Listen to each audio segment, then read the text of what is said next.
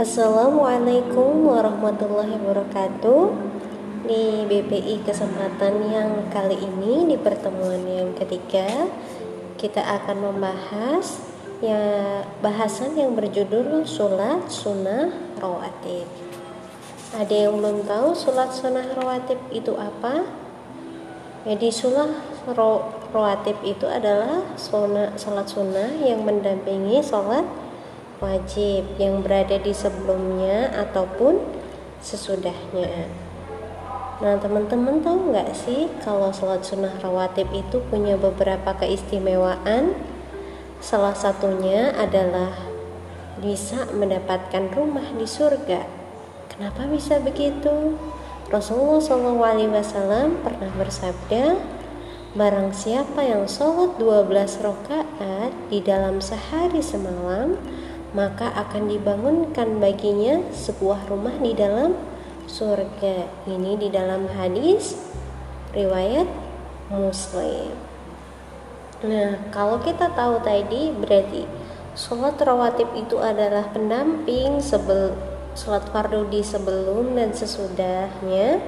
Maka kalau sebelum sholat fardu itu disebut dengan sholat sunnah qobliyah jadi rotibnya bernama qobliyah.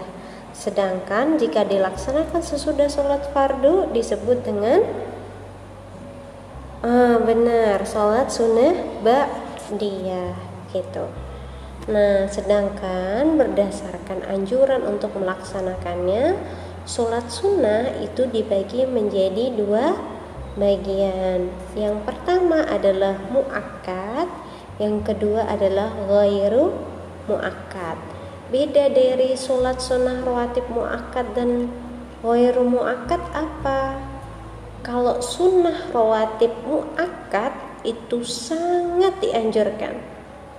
Kalau ghairu muakkad itu tidak terlalu ditekankan untuk dilaksanakan. Nah, ada lima sholat sunnah rawatib yang termasuk di dalam sholat sunnah rawatib muakkad. Yang pertama adalah sholat sunnah sebelum subuh sebanyak dua rakaat. Jadi qobliyah subuh itu dua rakaat. Yang kedua adalah qobliyah atau sebelum sholat zuhur empat rakaat. Kemudian ada ba'diyah atau sesudah sholat zuhur dua rakaat. Kemudian ada lagi dua rakaat ba'diyah atau sesudah sholat maghrib. Yang terakhir adalah dua rakaat ba'diyah sholat isya. Nah, apa yang termasuk goyru mu'akad? Yang termasuk goyru mu'akad ada tiga. Yang pertama adalah dua atau empat rakaat qobliyah atau sebelum sholat asar. Sedangkan yang kedua itu dua rakaat sebelum sholat maghrib. Yang terakhir adalah dua rakaat sebelum sholat isya. Nah, keutamaan sholat rawatib ini apa saja kalau kita sudah tahu Tadi kan ada 12 rakaat sehari bisa Allah bangunkan nih rumah di dalam surganya. Selain itu apa kira-kira? Yang pertama mungkin karena ini adalah sholat pendamping sholat fardu, jadi pahalanya lebih besar. Karena kita sedang melaksanakan sunnah Nabi Muhammad Wasallam. Rasulullah sudah memerintahkan apalah apabila kita melaksanakannya, kita akan mendapatkan pahala yang lebih begitu. Nah, kemudian di sini kita melakukan yang namanya ittiba Nabi atau kita berperilaku atau mengikuti perilaku seperti Rasulullah juga seperti sahabatnya Rasulullah Shallallahu Alaihi Wasallam. Nah, ketika kita juga lebih banyak sholatnya yang biasanya cuma sholat wajib 17 rakaat, kita bertambah lagi nih, jadi lebih banyak kesempakatannya untuk berdoa kepada Allah Subhanahu wa taala. Nah, di sholat sunnah rawatib ini juga memiliki beberapa keutamaan yang lain.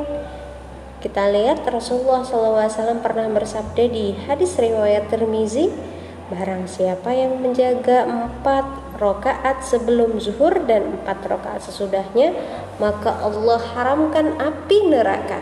Jadi intinya kalau kita rajin sulat sunnah empat rokaat sebelum zuhur dan empat rokaat sesudahnya, Allah itu akan mencegah kita dari api neraka. Begitu. Nah, gimana teman-teman sudah paham belum apa itu surat rawatib dan macam-macamnya seperti apa? Sudah siap untuk mempraktekkan sholat sunnah rawatib habis ini? Yuk kita mulai bersama-sama melaksanakan sholat rawatib setelah ini. Dimulai aja pelan-pelan. Pertama nggak usah langsung 12 rakaat seperti tadi. Pelan-pelan aja misal dua sebelum subuh atau dua sesudah sholat maghrib atau mau tidur sudah sholat isya dua rakaat terserah teman-teman milih yang mana.